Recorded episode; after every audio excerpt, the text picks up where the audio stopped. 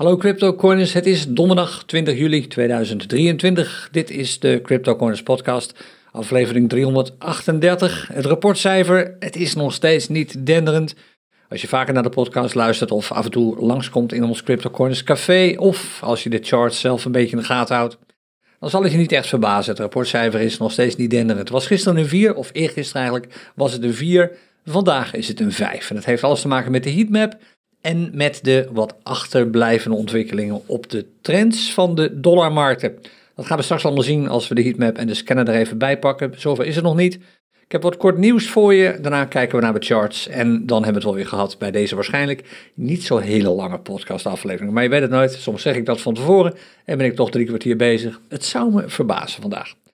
Oké, wat uh, het nieuws betreft. Allereerst uh, wat CryptoCoiners nieuws. Gisteravond hebben we in het uh, CryptoCoiners Café gehandeld en voor de eerste keer op Qcoin. Um, de markt was gisteren natuurlijk beroerd, sentiment was niet al te best. Bovendien was er opeens wat prijsontwikkeling doordat een aantal altcoins heel snel stegen en de bitcoin achterbleef. Dat zag je terug in met name ook de prijzen van veel andere altcoins. En dat betekent dat we in een uh, lange, uiteindelijk niet winstgevende trade terechtkwamen. Maar ik wel een aantal uh, nieuwe dingen heb kunnen laten zien. Dus mocht je daar nog interesse in hebben, ik heb ook wat vragen beantwoord. Dan kun je nog even terugkijken via www.cryptocoins.nl slash café naar de stream van gisteravond. Vanavond, oh ja, nog één ding over Qcoin trouwens. Het lijkt of blijkt zo te zijn dat Qcoin een beetje, ja, ik wil niet zeggen achterbaks, maar echt netjes is het niet, uh, een beetje raar te werk gaat. Als het gaat om het um, uh, hebben van tradingcommissieprijzen voor bepaalde coins. Een groot aantal coins, met name de coins met, het, met wat meer volume, die zitten in de normale categorie, oftewel betaal je netto, nou eigenlijk min of meer bruto zelfs, 0,1% uh, provisie voor. Net als je vroeger bij Binance betaalde. En daar gaan alle kortingen en dus de crypto-coins uh, korting ook nog vanaf. Maar er zijn ook coins met wat minder volume, die zitten in een hogere prijsklasse. Daar betaal je 0,2% per order. En er zijn zelfs coins, daar betaal je 0,3% per order. Nou, dat is niet prettig, dat soort dingen. Ik, het, vooral omdat je dat uh, zo echt, je moet echt zoeken voordat je die informatie vindt kun je worden verrast door opeens een trade te doen waarbij je zeg maar, denkt dat je 0,5% winst hebt gemaakt en je pakt 0,1% verlies. Nou, wat we daaraan misschien kunnen doen, we zijn al in overleg met Qcoin hierover trouwens, is misschien een optie. Er zijn een paar dingen die je zelf kunt doen. Je kunt natuurlijk, een, als je de scanner niet zou gebruiken, kun je een hotlist bijhouden, bijvoorbeeld een hypertrader, waarin je echt alleen maar de coins opneemt, gewoon even afgaan uit die lijst. Uh, ik zal trouwens de link naar die lijst wel eventjes bij de show notes van deze podcast neerzetten. Het is een lijst op Qcoin. Uh, waarbij je alleen de coins neerzet die je ook daadwerkelijk um, wilt uh, hebben, waar je op wilt gaan traden. Je zou ze ook even kunnen opschrijven op vel papier. En als je de scanner gebruikt, dan zou je kunnen zeggen: ik kijk even snel of die munt op de lijst staat. Het is niet mogelijk voor de scanner, want we hebben even gekeken naar de techniek hierachter. De scanner heeft gewoon geen toegang tot prijscategorieën van munten op Qcoin. Het enige wat de scanner zou kunnen opvragen is wat kost het voor een specifiek Qcoin-account. Want dat wisselt ook nog een keer. Heeft te maken met VIP-levels en zo. Maar het is allemaal niet, het is transparant, maar niet transparant genoeg, naar onze mening. Dus we zijn in overleg met Qcoin hierover om te kijken of dit makkelijker kan.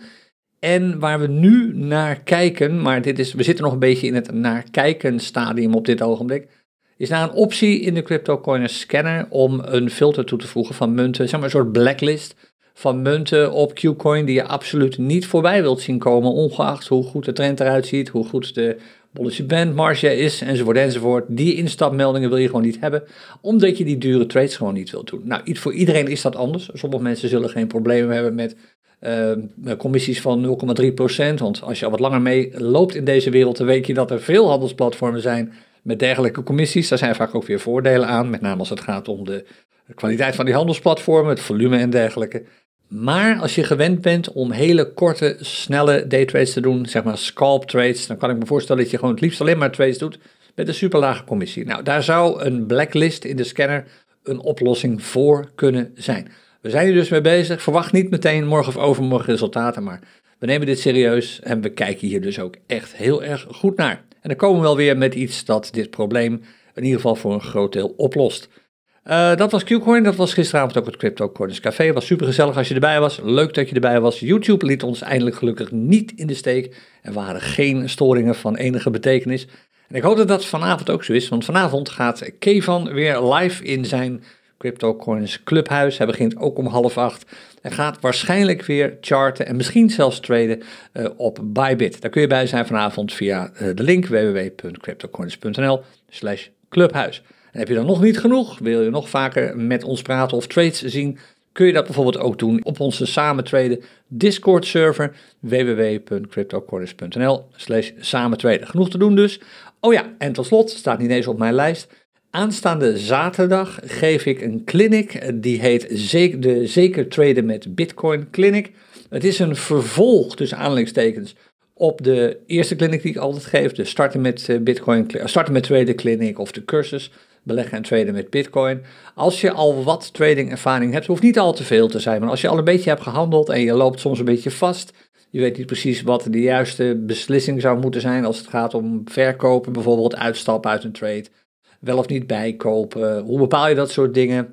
Hoe effectief ben je aan het traden? Dan zou het voor jou misschien interessant kunnen zijn om die clinic te volgen. Aanstaande zaterdag volgens mij beginnen we om half elf, weet ik niet helemaal zeker. Maar meer informatie daarover vind je via de link www.cryptocordis.nl slash zeker traden clinic. Met streepjes ertussen. De link staat ook in beeld en vind je ook even bij de show notes. Dat was het wel wat ons nieuws van uh, CryptoCoins betreft. Uh, volg ook nog één ding, toch nog even volgende week dinsdag. Bereid je alvast voor als je dat niet al wist. Uh, volgende week dinsdag op Patreon, als jij lid bent van ons Patreon-platform, doen we weer een Q&A, een vraag- en antwoord sessie. die gaat met name, die gaat niet alleen over crypto. Die gaat over geld, over geldbeleving, over vermogen opbouwen, over financiële onafhankelijkheid en al dat soort dingen erbij. De vorige Q&A-sessie die we hebben gedaan op Patreon was een enorm succes. Daar hebben we buitengewoon enthousiaste reacties op gekregen. En veel mensen kunnen niet wachten tot de volgende. Nou, die is dus nu aanstaande dinsdag. En volgens mij beginnen we, ik weet het niet, 7 uur of half acht. Ik denk half acht, maar ik weet niet zeker. Kijk even op Patreon als je op Patreon zit. En dat, oh ja, en als je ook op Patreon zit, de crypto, niet de crypto coins, de Patreon Money Professionals podcast aflevering van deze week, die komt morgen, vrijdag uh, 21 juli is die beschikbaar. Nou, tot zover. Wat is er dan aan de buitenkant uh, aan de hand? Het is natuurlijk zomertijd, er gebeurt niet al te veel. Uh, er zijn een paar interessante dingen die ik er toch even heb uitgepikt.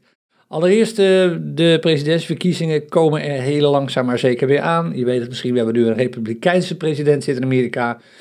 die, sorry, een, hoe kom ik erop? Een democratische president zit in Amerika die behoorlijk anti-crypto is. En daar maken republikeinen maar al te veel gebruik van, ook in hun verkiezingspropaganda. En dat doet nu interessant genoeg ook een democratische presidentskandidaat, tenminste misschien, je weet maar nooit. Uh, dat is uh, Robert F. Kennedy Jr., uh, niet de eerste Kennedy die we ooit zijn tegengekomen daar in het Witte Huis. En dit is een democraat en dat maakt zijn verkiezingspropaganda heel interessant, want hij zegt namelijk, als ik president word, dan zorg ik ervoor dat de dollar wordt gebackt door de bitcoin. Het moet toch niet gekker worden. Waar op dit ogenblik de Democraten fel anti-crypto zijn, dat blijkt uit alle wetsvoorstellen die er heel snel doorheen worden gejaagd, hebben we nu opeens een democratische kandidaat die zegt van niet alleen is de dollar zwak, we hebben iets als bitcoin nodig en hij noemt dat letterlijk een harde munt, het wordt echt steeds gekker, die hebben we nodig om de stabiliteit van de dollar te kunnen garanderen. Om die Amerikaanse dollar weer stabiel te krijgen, moeten we een harde munt achterstoppen, zoals goud, zilver, platina of bitcoin. Ik bedoel, als je mij dit een jaar geleden had gezegd, dat, een dat A, een presidentskandidaat, een Amerikaan, en B, een democratische presidentskandidaat, zoiets ooit zou zeggen, had ik nooit verwacht. Hij zegt er trouwens wel bij, dat zal een langzaam proces zijn. In eerste instantie zullen er waarschijnlijk hooguit in slagen om 1% van alle beschikbare dollars, en dat zijn er nogal wat, uh, via um, hard currency, oftewel via goud, zilver, uh, bitcoin en platina uh, te backen. Maar het feit dat bitcoin wordt genoemd hierin, ik kan er gewoon niet over uit, bizar. Nog een ander ding wat interessant is als het gaat om zeg maar, de stabiliteit van bitcoin daar het, en het geloof en het vertrouwen erin. Je weet het, je komt regelmatig ook op YouTube veel influencers tegen en ook veel uh, leunstoelanalisten die zeggen: het is helemaal gebeurd met crypto, het wordt nooit meer wat. Nou, dat blijkt niet helemaal uit de financiële cijfers die Tesla heeft gepubliceerd. Daar staat in dat ze nog steeds een groot gedeelte van hun vermogen, uh, ongeveer 180 miljoen dollar, in Bitcoin hebben zitten. Dus gewoon aanhouden uh, in Bitcoin als reserve. Ze hebben geen enkel plan om dat te verkopen op dit ogenblik. En zij zien Bitcoin dus nog steeds als een hele belangrijke store of value. Dat was het wat het uh, nieuws betreft. Zoals gezegd, het is zomer, het is een beetje komkommertijd natuurlijk. We gaan het niet hebben over de snelle prijsstijgingen van gisteravond, van een paar van de uh, interessantere altcoins om in de gaten te houden als je echt eventjes wilt profiteren van uh, snelle winsten door snelle stijgingen, maar soms ook weer snelle dalingen. We gaan het niet hebben over Ripple, waarvan de Ripple coin, zoals ik hem altijd noem, XRP is eigenlijk de technische naam daarvan. Vaak wordt de naam Ripple voor twee dingen gebruikt. Het bedrijf Ripple en de coin. Ik weet dat de coin eigenlijk anders heet. Soms schrijven mensen daar wat over. Laten we het niet moeilijker maken dan het eigenlijk toch al is voor heel veel mensen. Vanaf nu bedoelen we met Ripple of de coin of het bedrijf, afhankelijk van de context. En als er aanleiding is voor twijfel, dan benoem ik dat wel eventjes. Maar wat Ripple betreft, die ging gisteren ook weer lekker natuurlijk, die coin. Die uh, schoot hard omhoog en er worden steeds meer mensen wakker die zeggen... Nou, het zou zomaar kunnen dat we eerder eens naar de dollar gaan wat de prijs betreft. Uh, helemaal los van mijn mening over die munt. Uh, ik ga verder niet uit of ik daar wel of geen belang in heb. Als je langer naar de podcast luistert, dan weet je dat waarschijnlijk wel, hoe dat echt zit. Uh, feit is dat die dollarprijs inderdaad in de buurt begint te komen. Zeker als er weer een, een hype zou ontstaan. Niet voor Ripple, maar gewoon een, een crypto-hype. Een, echt een bull run. Daar is wel wat voor nodig. Dat gaan we zo meteen op het chart ook wel zien. Soms lijkt het even alsof de bull run weer is begonnen. Maar dan landen we toch met z'n allen weer heel snel. En dat heeft natuurlijk alles te maken met het marktsentiment. Maar toch leuk om te zien dat uh, al die mensen die al zo lang zaten te wachten op wat positief Ripple-prijsnieuws, eindelijk misschien een keertje worden beloond.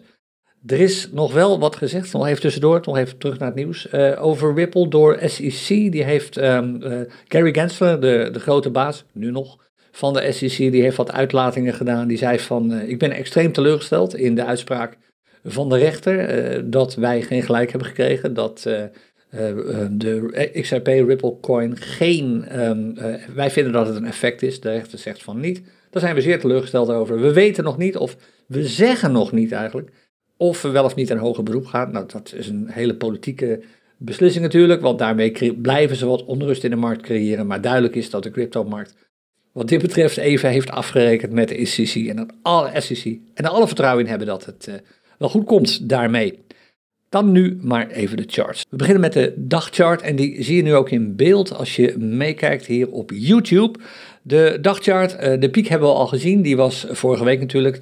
We zitten in een bullish trend, dat zaten we trouwens al met een higher high. Uh, wat de low betreft, die is nog weer lager geworden dan eigenlijk afgelopen dinsdag al verwacht werd. Afgelopen dinsdag, toen hadden we de low van de dag daarvoor, van maandag, te pakken. Die was al lager dan de vorige low. Dus ik zei: Oké, we hebben een lagere trough. Maar er is nog een lagere low bijgekomen. Een nieuwe swing low, een nieuwe trough, een nieuw dal.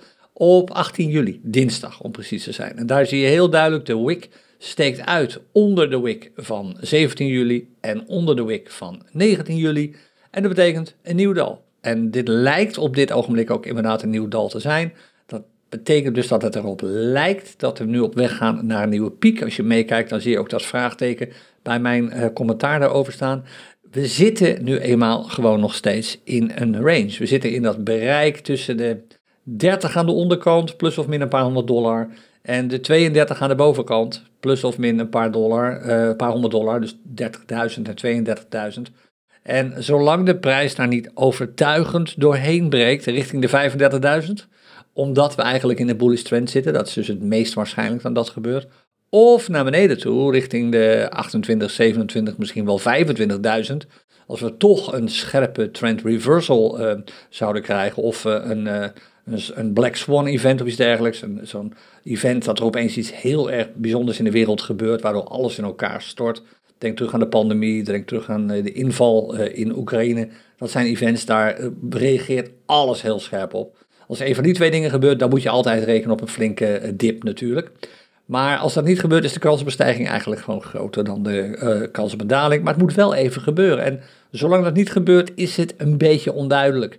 Kijk, we hebben nu een lagere, uh, lager dal dan het dal hiervoor. Als we nu ook een lagere piek krijgen, wat zomaar kan, is de trend dan opeens bearish geworden? Of zitten we nog steeds in die range, in die trading range, in die consolidatie range, compressie range, hoe je het ook noemen wilt? van tussen de 30 en de 32. Ik houd dan het laatste aan. Als je verder kijkt naar de overige data op deze chart, de OBV, de Unbalanced Volume Indicator, is nog steeds bearish. Hij begint nu in de buurt te komen, zoals je ziet loopt de OBV zelf, dat is die gele lijn, in de buurt nu van zijn voortschrijdend gemiddelde, maar heel spannend is het allemaal niet. Uh, er is nog steeds sprake van een bearish trend volgens de OBV. Nou, dus die voorspelt op dit ogenblik min of meer dat er een bearish trend reversal zou kunnen gaan komen. Maar zover is het nog lang niet, want er zijn ook wat andere signalen op deze chart die dat tegenspreken. Kijk naar de Keltner Channels, die blauwe lijnen als je meekijkt. Dan zie je dat de prijs weg begint te komen uit de bearish zone. En langzaam maar zeker, het is er nog niet, want hij zit nu echt op, ja, nog vlak onder de EMA 20 die daar in het midden loopt, het voortschrijdend gemiddelde. Hij moet daar boven komen en dan begint er sprake te zijn van een licht bullish trend. Uh, in ieder geval een voortzetting van het bullish trend patroon op dit ogenblik. Dus dan hebben we de peaks en troughs, die worden dan bevestigd door de Kelter channels. Dat is nu even niet zo. En ze worden bijvoorbeeld ook niet bevestigd door de parabolic stop reverse, want die plusjes staan boven de prijs. Nou heeft die indicator op dit ogenblik eigenlijk helemaal niets te betekenen, want de prijs beweegt zich al een aantal dagen lang zijwaarts. Zeker echt, echt duidelijk zijwaarts sinds vorige week zaterdag. Toen is ook de ommekeer gekomen, die, die kwam volgens mij iets eerder al, vorige week donderdag, naar bearish. Ja, en dat zal die blijven ook, zolang er niet echt een significante prijsbeweging komt. Die, die plusjes komen heel langzaam naar beneden gezakt, maar het heeft geen enkele indicatorwaarde. Die, de indicator value van deze PSAR is als er geen parabolische prijsontwikkeling is, daarom heet het ding ook PSAR, Parabolic Stop and Reverse. Uh, zolang dat niet gebeurt, uh, die parabolische prijsontwikkeling, kun je die indicator min of meer eigenlijk gewoon negeren. Doe, zie het als een resistance lijn op dit ogenblik, omdat de prijs erboven staat. Maar meer dan dat uh, is het ook niet. Dus waar ik op let hier, nou die trough toch een beetje in de gaten houden, of we toch niet opeens eronder beginnen te zakken. En die unbalanced volume indicator vind ik op dit ogenblik heel interessant. Wat de urenchart betreft, daar is het gelukkig een beetje omgekeerd. Het was allemaal niet zo heel denderend afgelopen dinsdag. Toen zaten we, wat de Eurochart betreft, in een bearish trend. En toen zei ik al, er moet eigenlijk wel wat gebeuren. Je wilt gewoon een doorbraak zien van de prijs door de MA20, door de MA50 en daarboven blijven. Nou, dat is een keer gebeurd. Eh, namelijk afgelopen dinsdag, zei ik dat, dinsdagavond, of eh, is er niks gebeurd. Woensdag, gisteren, woensdagnacht, gisteren om twee uur s ochtends. Toen ging de prijs opeens door de MA20 heen, iets later ook door de MA50. De cross van de MA20 en MA50 kwam pas gisteravond, vlak voordat we met het café begonnen. En sindsdien liggen de MA20 en MA50 eerder dicht bij elkaar, wat al aangeeft weinig beweging op dit ogenblik van Bitcoin. De trend, open en eerlijk, op de urenchart is nu weer bullish, want hogere pieken, hogere dalen sinds uh, afgelopen gisteravond, een uurtje of vijf. Heel spectaculair is het allemaal niet. Je wilt gewoon banden zien uh, of breed, uh, bandbreedte zien tussen die MA50 en de MA20 die veel groter is dan wat die nu is. Dit soort situaties, zoals vrijdag de 14e bijvoorbeeld, of uh, als het de andere kant op zou moeten gaan, een bearish trend, dit soort situaties zoals zaterdag de 15e bijvoorbeeld. Dit stelt op dit ogenblik natuurlijk niet veel voor, maar de urenchart is bullish. Je kunt ook zeggen, de prijzen bewegen gewoon niet veel. We kunnen er lang over praten, wat ik nu eigenlijk al doe, eigenlijk al te lang. We zitten op dit ogenblik in een trading range tussen de 30 en de 32, sorry, tussen de, ja, tussen de 30 en de 32. Je zou kunnen zeggen 29,5, 31,5. Daar moeten we eerst maar eens uit zien te komen. En op dit ogenblik, niemand weet wanneer dat gaat gebeuren. Je kunt er van allerlei voorspellingen op loslaten. Het is extreem onduidelijk op dit ogenblik. Gewoon rustig afwachten. Hoe is dat met goud? Nou, dat is en blijft mooi bullish. We zien eigenlijk steeds weer dag na dag prijsstijgingen. Best wel veel momentum op dinsdag, zoals je ziet, een, eh, een, eigenlijk alleen maar een body, een hele kleine wick, maar een lange candle voor de goudprijs. Dat geeft aan dat het momentum behoorlijk aan het stijgen is. Uh, gisteren kwam er een doji, zoals je het kunnen zien, uh, die normaal gesproken aangeeft, is een signaal dat er wat onzekerheid begint te ontstaan over die prijsstijging. En meestal betekent dat een pullback. Of dat gaat gebeuren, lijkt er niet op vandaag, want op dit ogenblik is de candle nog steeds groen. Maar als hij vandaag rood wordt, werd dat min of meer al verwacht of voorspeld door de doji die we hebben gezien, maar op woensdag. Maar de prijsontwikkeling is positief, we gaan naar boven. En de trend voor de goudchart op dit ogenblik ook weer bullish. En dat betekent dat we net als een aantal weken geleden opnieuw vrolijk op weg gaan naar mogelijk een nieuwe all-time high. Een nieuw record voor de goudprijs. Hoe is het dan met Wall Street? Het is bijna lachwekkend wat hier gebeurt natuurlijk. We hadden afgelopen dinsdag uh, al greed, uh, extreme greed, extreme hebzucht. Toen stonden we op 80, nu staan we op 82. Het kan bijna niet hoger. En je zou zeggen van, oké, wat zien zij wat wij niet zien? Nou, je zou het ook kunnen omdraaien, wat zien wij wat zij niet zien? Want naar mijn mening reageren beleggers gewoon overmatig enthousiast op. Alle winstcijfers die worden gepubliceerd, wat er niet eens zo heel veel zijn. Uh, vandaag ook weer Netflix, die kondigt aan dat uh, ze enorm zijn gegroeid qua leden of abonnees, maar dat de omzet zwaar tegenvalt. Nou, dat is geen goed nieuws. Uh, er zijn meer bedrijven die wat teleurstellende cijfers afgeven. Maar er zijn ook cijfers die opeens, of bedrijven die heel goede cijfers afgeven. En wat je ziet is dat de SP uh, 500, de, de belang, een van de belangrijkste graadmeters van de Amerikaanse beurs, een groot aantal fondsen zitten daarin, nu al dagen op rij positieve cijfers schrijft. En eerder als op het punt komt dat de index hoger staat dan uh, begin dan hele vorig jaar. Dus hebben we, dan zou je bijna denken, er is niks meer aan de hand. Alle problemen zijn uit de wereld. Ja, paar banken hebben mooie cijfers gepubliceerd. Dat zijn de grote jongens. Die hebben laten zien, nou, we hebben 4, 5 procent winst gepakt afgelopen jaar. Maar waar gewoon nooit meer over wordt gepraat, ja, waarom zou de centrale bank daar over beginnen? Is over die honderden, dan moet je aan 600 stuks denken, veel kleinere banken, die, met name banken die veel geld hebben uitgeleend aan bedrijven voor uh, het bouwen van onroerend goed, dus bedrijfspanden. Al die banken zitten zwaar in de problemen. Dat geld komt nooit meer terug dat ze hebben uitgeleend. Die bedrijven zitten zwaar in de sores. En daar gaan dus gewoon banken omvallen straks, of die moeten worden gered. De schulden van uh, Amerika worden hoger en hoger. Uh, er komt, je zou bijna zeggen, per week 100 miljard bij op dit ogenblik. Dit is catastrofaal. En zoals uh, Robert Kiyosaki al zei eerder deze week, Amerika knalt gewoon richting een depressie. Niet een recessie, maar een zware depressie. En daar wil je je nu tegen wapenen. Dus stop met die aandelen die nergens over gaan. Koop nu gewoon, zoals eh, Robert eh, Kennedy zou zeggen, koop gewoon harde munten, zoals zilver, goud en bitcoin. En als je dat niet doet, dan word je hier straks gewoon keihard afgestraft. Dat is ook mijn mening. Ik denk dat dit allemaal zwaar overtrokken is en dat het hard kan gaan. Dat we echt een dip kunnen gaan zien van 82 nu naar misschien wel 30 binnen een paar weken tijd. Vanaf een bepaald Ik weet niet precies vanaf wanneer, want het kan eigenlijk niet meer lang duren. Dit, dit, het is een kwestie van tijd voordat gewoon bedrijven duidelijk moeten gaan maken. Met name ook de kleinere bedrijven. Dat gaat dan echt als een sneeuwbal. Dat het geld op is. En dat banken duidelijk moeten gaan maken dat ze moeten worden gered opnieuw door um, de Amerikaanse eh, staat. En dat betekent dat er nog meer geld nodig is dat weer moet worden geleend, want Amerika heeft gewoon geen geld meer.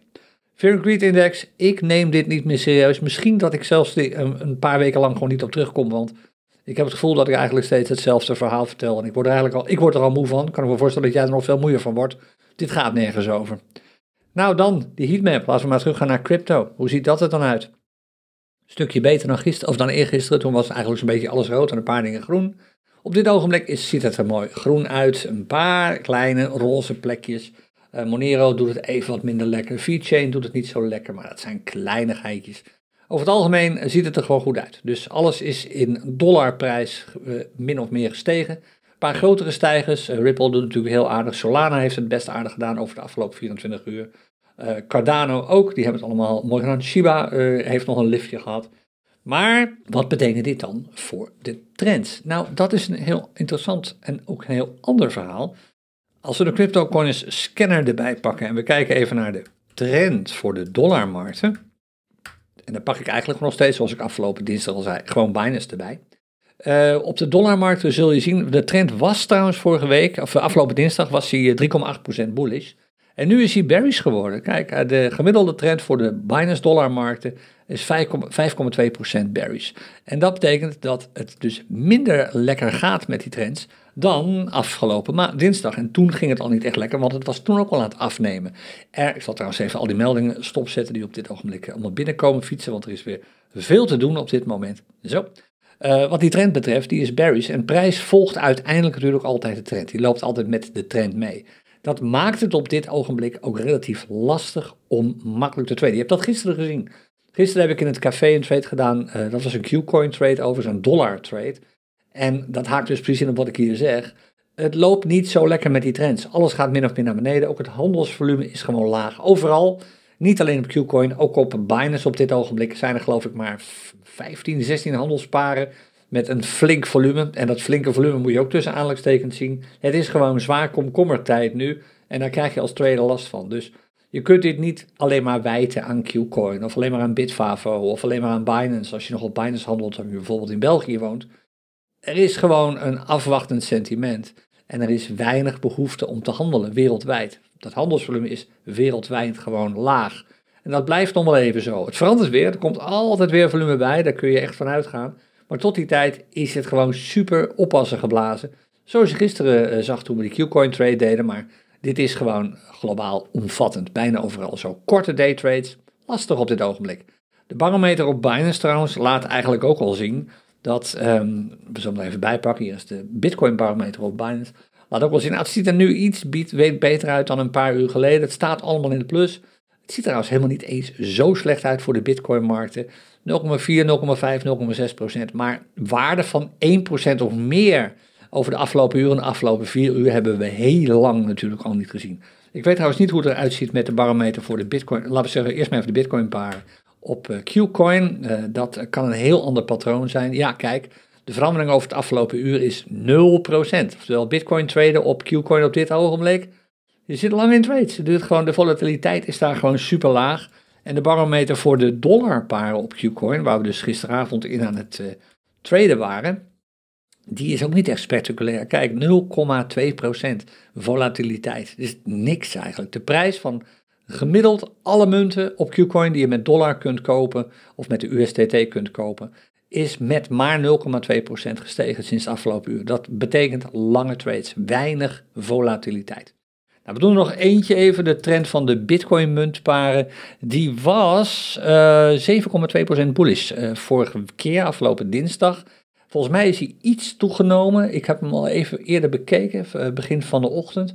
Ja, hij staat nu op 13% bullish. Dus dit zijn Bitcoin-marktparen. Als je dus met de Bitcoin als basismunt handelt op dit ogenblik, dan zul je regelmatig charts tegenkomen die een bullish karakter hebben, omdat ook de markt, uh, markttrend voor heel veel muntparen op dit ogenblik bullish is. Ik scroll even terug, kijken of ik er wat kan vinden. Het zullen niet zo heel veel zijn, de meeste muntparen die ik tegenkom. Ik heb twee strategieën aanstaan op dit ogenblik trouwens. Kijk ook even naar de Peaks and Trust strategie. Maar ik kom niet veel bitcoin paren tegen. Ja, dat heeft te maken met die barometer. Er is gewoon te weinig volatiliteit en dus te weinig bolletje bandbreedte om je echt wat te kunnen laten zien. Dat heb je zelf waarschijnlijk ook wel ervaren als je of met de hand de charts afgaat of dat je dat doet uh, met behulp van de scanner. Het is gewoon zoeken naar kansjes op dit moment. Het is zoals het is. Daar moeten we mee omgaan. We hebben wel uh, zwaardere dingen meegemaakt met z'n allen. Dat was hem, wat de aflevering van vandaag betreft. Even als je dat hebt gemist vorige week, ik zei het gisteren in het café ook al. De CryptoCoins podcast, uh, het uitzet, uitzendschema verschuift een beetje. Dat wordt uh, twee keer per week, dinsdags en donderdags. Tenzij er iets heel bijzonders te melden valt, uh, een event daar, waar we het echt over willen hebben met z'n allen, dan komen er ook afleveringen op andere dagen. Maar in principe kun je elke dinsdag en donderdag een nieuwe aflevering van de CryptoCoins podcast tegemoet zien, in ieder geval voorlopig, want uh, ik ga niet op vakantie in de zomer. Ik neem mijn vakantie altijd later in het jaar, dan gaat het uitzendschema wat naar beneden. Maar voorlopig kun je elke dinsdag en donderdag rekenen op uh, nieuwe uitzendingen van de, heet dat uitzendingen? Nee, dat heet afleveringen van de CryptoCoins podcast. Dus met de podcast ben ik er volgende week dinsdag weer. En tot dan wens ik je veel plezier bij het Clubhuis. Misschien zie ik je zaterdag bij de Zeker Tweede Clinic. Of anders, uh, zoals gezegd, volgende week bij de podcast. Prettig weekend alvast. Happy trading als het lukt. Dag.